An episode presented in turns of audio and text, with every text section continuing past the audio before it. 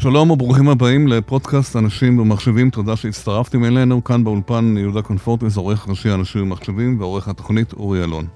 העורך שלנו בפרק הזה הוא שדי כיוף, מנהל מוצר בחברת התוכנה אנסו.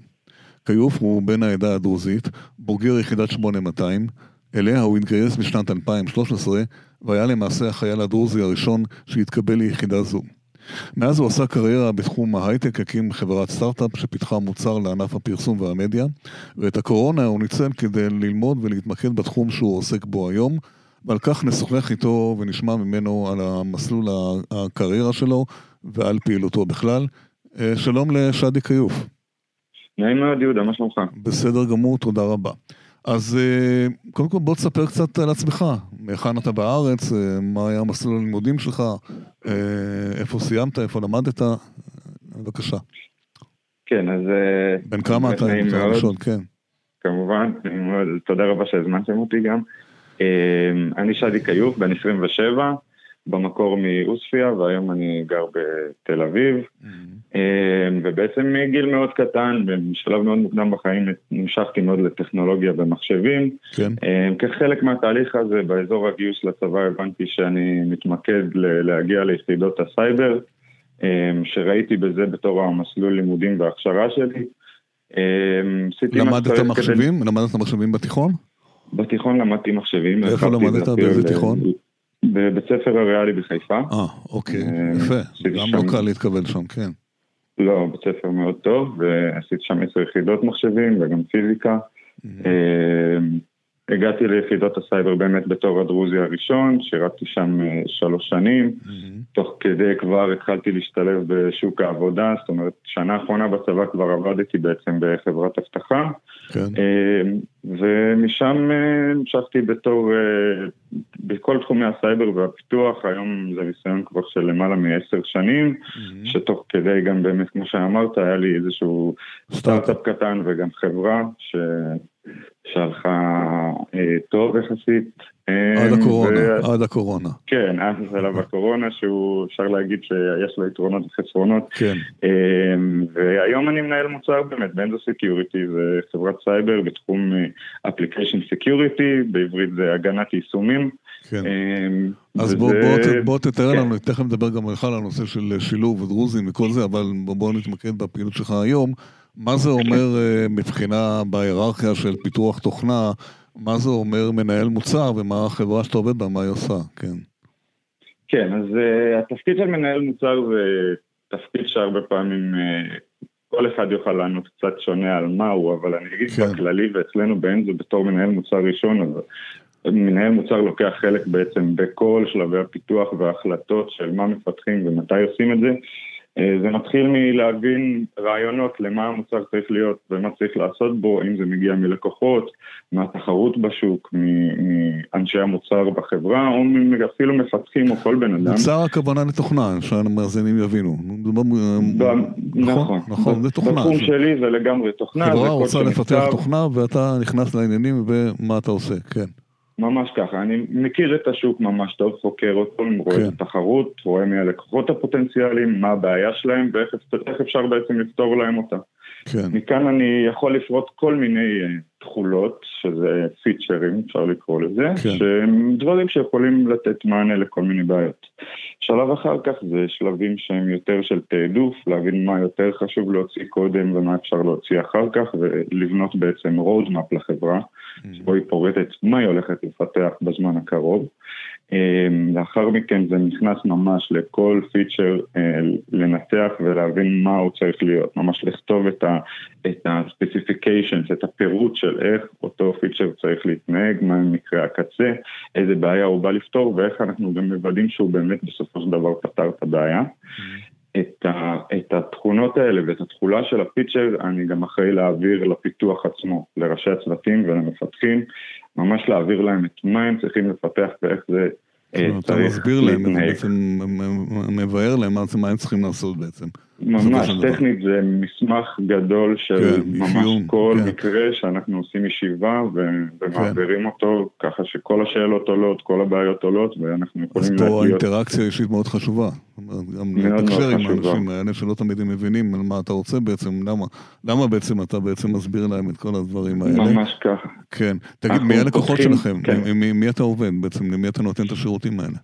אז הלקוחות שלנו הם אה, לקוחות, אה, הם חברות תוכנה בסופו של דבר, אבל אה, מה שקרה וגם הסיבה שאנחנו קיימים זה שהיום גם כל חברה או כל דבר הפך להיות חברת תוכנה, גם אפילו סופרים שעד היום היו כן. חנות, היום הם חברת תוכנה, אפשר לראות שיש להם אתרים די מושקעים ואפליקציות, יש להם, כל דבר יש להם מחלקות מחשוב, נכון, כן. לגמרי, אז, כן. אז היום כבר אנחנו יכולים להגיד שאנחנו פונים לכל חברה, כל חברה יכולה להיות לקוח שלנו היום. ואז מה, נניח, אבל... נניח סופר, סופר סאד או סופרמרקט, לא משנה מה, רוצים לפתח משהו, אז מה?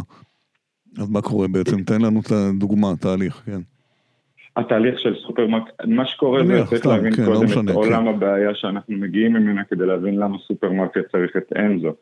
כן. אה, מה שקרה באמת בשנים, בעשור האחרון זה תוך כדי תהליכי דיגיטליזציה, אז באמת כל אותם החברות שעד היום לא היו צריכים תוכנה הבינו שהם חייבים בעצם לכתוב קוד והם חייבים ייצוג באינטרנט בשביל לעשות כסף. אז, אז מה שקורה זה שתהליכי הפיתוח גדלו והפכו להיות מימדים ממש עצומים יותר ממה שהכרנו בדרך כלל בתחום האבטחה וזה יצר מצב שמשחררים המון קוד ל... ל production, לסביבה הפתוחה בעצם לאינטרנט, שלא בהכרח עבר את כל הבדיקות הנכונות. וזה חשוף לסכנות.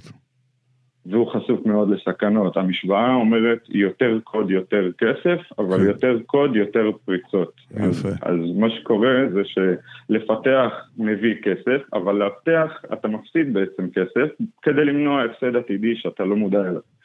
אמ, ואז צריכים אנשים כמוך בעצם שאומר להם, רגע חבר'ה, אה, תיזהרו, פה עלול להיות כאן אה, מכשול מסוים, נכון? אז, אז לא בדיוק האנשים כמוני, הם כבר ידעו שהם צריכים אנשים שיגידו להם, אה, פה יש לנו משהו מסוכן, וזה נקרא צוות Application Security, זה כן. צוות שהיום היחס שלו בחברות רגילות הוא אחד למאה. יש לך איש אחד כן. שאחראי להגיד למפתחים, איפה הטעויות שלהם ומה צריך לתקן, ויש 100 מפתחים שעובדים הרבה יותר מהר ממנו ומוצאים הרבה יותר. קשה להשתלט, כן. פה נוצרה הבעיה. כן, כן. כן. פה נוצרה הבעיה כי הבן אדם הזה עכשיו צריך את הכלים לאוטומציות, הוא צריך להבין מה זה הקוד הזה שמפתחים, איפה הוא נמצא, כן. והוא בעיקר בעיקר צריך משהו שיעזור לו לנהל את המשימות שלו ולהבין מה התעדוף, מה באמת חשוב. ופה אנזו נכנסת לתמונה. ואז אתה, בעצם... אתה נכנס לתמונה בעצם, אתה או האנשים כן, שלך בעצם, כן. כן. ואז כן, מה, אתה אומר להם, חבר'ה, זה לא בסדר, זה עלול להיות מסוכן? אז מה שאנחנו עושים זה דבר כזה, הגישה שלנו היא קודם כל לעזור לך להבין מה יש לך כן. בתוך החברה, איזה תוכנות יש לך, איזה שרתים, מה הכי חשוב מבחינתם, מבחינת הנזק העסקי. זאת אומרת, אנחנו יוצאים מנקודת הנחה שאתה לא תצליח לתקן את כל הבעיות שיצאו כן. היום הבאגים, ל production. כן. כן. אבל, אבל בוא תבין מי הנכס הזה, שאם הוא ייפגע, אתה תפסיד הכי הרבה כסף, ובוא תתרכז בלאבטח אותו. זה דבר ראשון. כן. חוץ מזה, אנחנו עוזרים לך לייצר תהליך כללי של אבטחה שבה מהרגע שהקוד נכתב ועד שהוא production, יש לך אוטומציות שדואגות שרוב הסיכויים הוא עומד בסטנדרט ש... פחות סביר שיהיה בו אה, חולשות.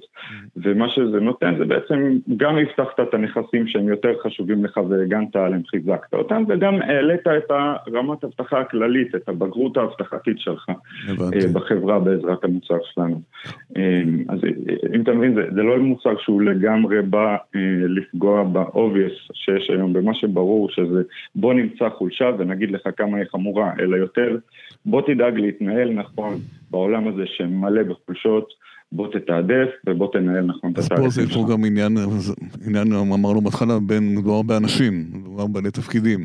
אז לפעמים לא אומרים לך, תשמע, אבל אין לנו זמן, אנחנו צריכים לצאת באוויר, במיוחד אם אתה מדבר על תחום הריטל, שזה תחום מטורף, כאילו, תעזוב אותנו, אנחנו צריכים לצאת החוצה, כאילו, אתה, אתה נתקל בהתנגדויות כאלה? טבעיות, אנושיות, לא, כן.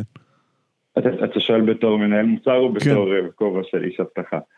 גם וגם, אתה בא מהכיוון הזה, האמת שזה כן. מאוד דומה, כאילו. אני מניח שרוב החולשות שאתה בודק הן קשורות לאבטחה, לא לדברים אחרים, כן. פחות... כמנהל מוצר אני פחות מתעסק בתחום האבטחה, אבל המוצר שאני בונה מתעסק בתחום האבטחה. אוקיי. ואני יכול להגיד שכמנהל מוצר אני לא אשחרר קוד שלא עונה על הצרכים של הלקוח, או כן. שהוא לא מבוצע בצורה טובה, מבחינת מענה פונקציונלי, חוויית משתמש, כן. ו-KPI לפגוע במטרה שבאנו לפתור. Mm-hmm. בכובע האבטחתי, קוד כן ישוחרר ל production אם היום המצב הקיים, גם אם הוא לא עבר את כל הבדיקות שהוא צריך לעבור, אבל זה בעיקר קורה בגלל פספוסים, ולא mm-hmm. בגלל שלא רוצים לבדוק אותו. כן. אה, והפספוסים האלה באמת קורים בגלל הכאוס הזה של, של צוותי application security שפשוט לא עומדים בקצב. Mm-hmm. אה, ובעצם אין זו גם אחד הדברים שנותן את שלנו. האקרים חוגגים על זה בגלל זה, זה יש להם הרבה עבודה בעניין הזה. נתקלת בחברות שעבדת או התייעצת עליהן ואחר כך אה, חטפו איזה כופר או איזה וירוס או משהו כזה? אה, כמובן, גם כן. במהלך, בשנים שהייתי חוקר סייבר יותר, כן. אז הייתי גם כן. מקבל הרבה מאוד טלפונים באמת מחברות של, אה, שבאמת עשו להם אה, כופר כאילו בחברה, וזה דברים בדרך כלל מאוד סודיים. ואז מה אתה אומר לא להם, אמרתי לכם, הזהרתי אתכם, או שבאים אליך בטענות? אין, אי אפשר להגיד, אמרתי כן. לכם, בתחום הזה בכללי, כל חברה כן. היא פריצה, בסוף המטרה בכל עולם. יש מנכ"ל שמחליט בסופו של דבר, כן. בסופו של דבר, כן, וגם כן. הגישה האמיתית לסייבר היא שאתה לא באמת תמנע פריצה, אבל אתה יכול לגמרי להתאמץ כדי למנוע, כאילו לאבטח את עצמך, שהיא פחות כן. סביר שהיא תקרה, אבל אה, שוב, בעולם שלנו, אם נקדו אותך ואתה נמצא במטרה, אז יגיעו אליך.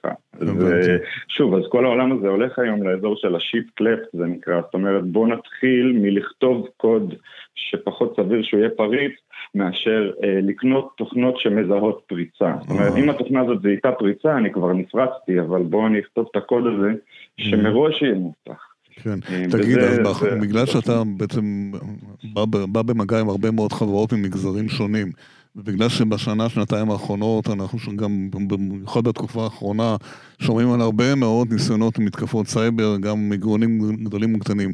אתה חושב שיש שינוי במודעות, עדיין או שעדיין מזלזלים בזה או לא מזלזלים? פחות נותנים על זה אה, תשומת לב?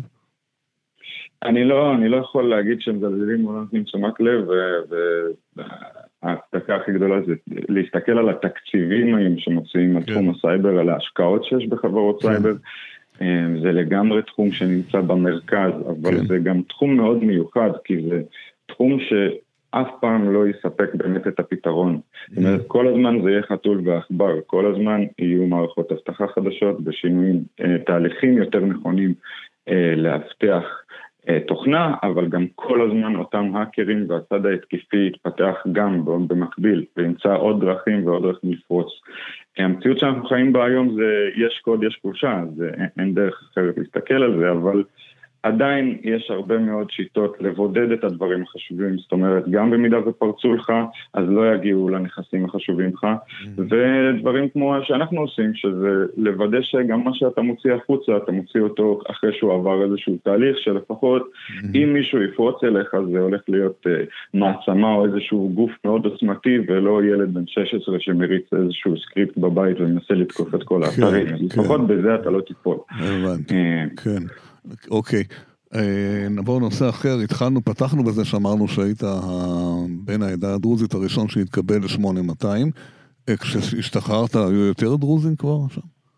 ל-8200 יש המון דרוזים, אבל יחידות הסייבר כן, זה כן, האזור כן. שלא היה בו, במיוחד אה, כל תחומי התרגום והערבית הם מלאים בדרוזים.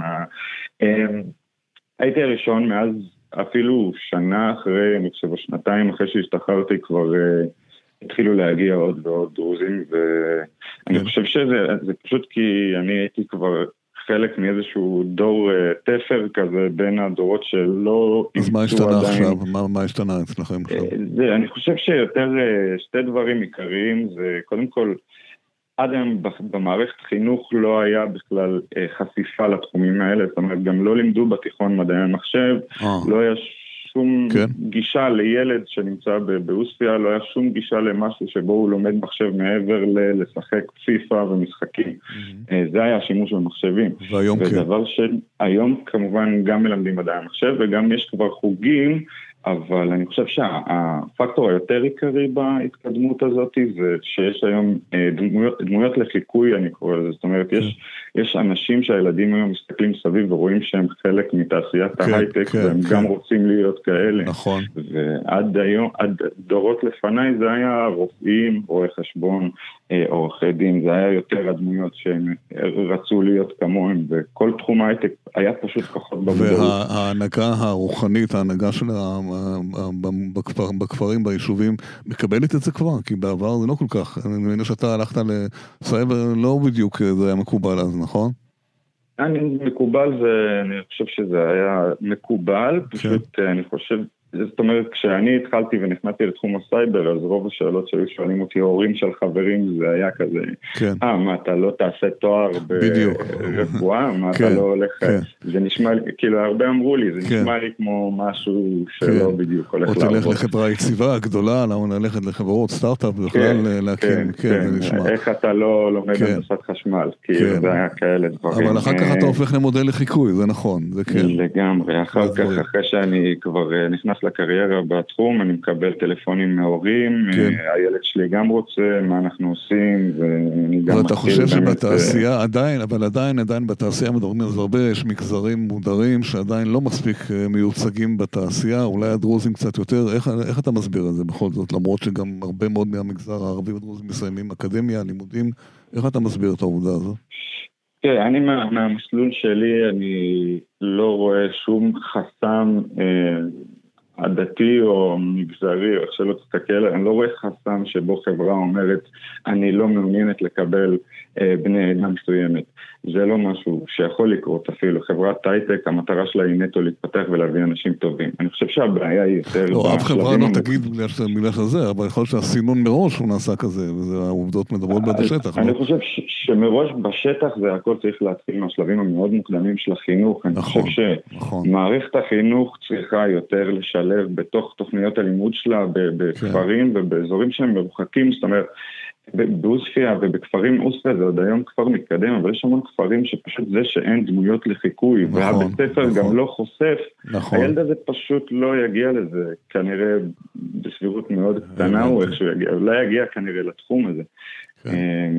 תגיד, אתה התקדמת... אבל היום רואים הרבה מאוד תוכניות כן, כאלה. כן, כן, יופי. יש חוגים, יש... כן, אתה התקדמת בעצם, לא אמרנו את זה, אה, לא, לא עברת דרך האוניברסיטה עדיין, דרך האקדמיה. הכל כן, למדת כן, לבד. אז מה זה אומר? שיש מקצועות שבעתיד לא נצטרך בכלל ללמוד באוניברסיטה? אז אפשר להגיד שתחום הפיתוח הוא תחום מאוד מאוד ייחודי ביחס כן. לתחומים אחרים כמו כן. אה, חשמל ורפואה, כן. תחום שבאמת היום לא, לא דורש ממך לעבור באקדמיה בשביל לקבל עבודה עם משכורת כן. ולהתפתח ו- ולעשות קריירה. כן. אה, אני, אני ראיתי בזה סוג של מפלט בתקופה של ילד בתיכון, אה, לא, לא כן. רציתי אחרי בית ספר להתחיל להתעסק בפסיכומטרים ולימודים, כן, פשוט כן. כי, כי רציתי כבר להתחיל לעבוד והאמנתי שאם אני אצבור ניסיון זה יהיה שווה ערך בסופו של דבר לעשות תואר כנראה. אבל וה... זה בתוכניות שלך ללמוד כמובן. בתוכניות שלי אני מאוד מאמין. חייבים, אי אפשר בלי זה. כן, וכנראה. זה מהווה מחסום, בסופו של דבר זה יכול להיות מחסום. כן, כן, זה יתרון מאוד ענק, והיום מהנקודה שלי אני גם לא חייב לעשות תואר במדעי המחשב, אני יכול לקחת תחום אחר ולפתח את עצמי בו, ואני מאמין שזה הכרחי וזה מאוד חשוב. אבל אני הייתי כן רוצה שילדים שהיום גם יש להם אולי פחות יכולת, זה יכול להיות כספית וזה יכול להיות יכולות, אה, שידעו ש... זה לא הכל לעשות תואר, אתה יכול נכון, למצוא נכון. עבודה גם, גם מלשבת בבית וללמוד, נכון. ואתה יכול להתמקד במשהו אחד ובסוף אתה תגיע. יפה, אה, יפה. זה הדרך, כן. שאדי כיוף, אה, תודה רבה לך על השיחה, תודה שהיית איתנו מרתק, ותמשיך להצליח ושנשמע דברים טובים, תודה. תודה רבה לך. ביי. נהניתי מאוד, ביי ביי. ביי. עד כאן הפרק הזה, אה, תודה שהאזנתם לנו, אנחנו זמינים גם באפליקציית אה, ספוטיפיי, בגוגל פודקאסט וכמובן באתר של אנשים ומחשבים, להתראות בפרקים הבאים.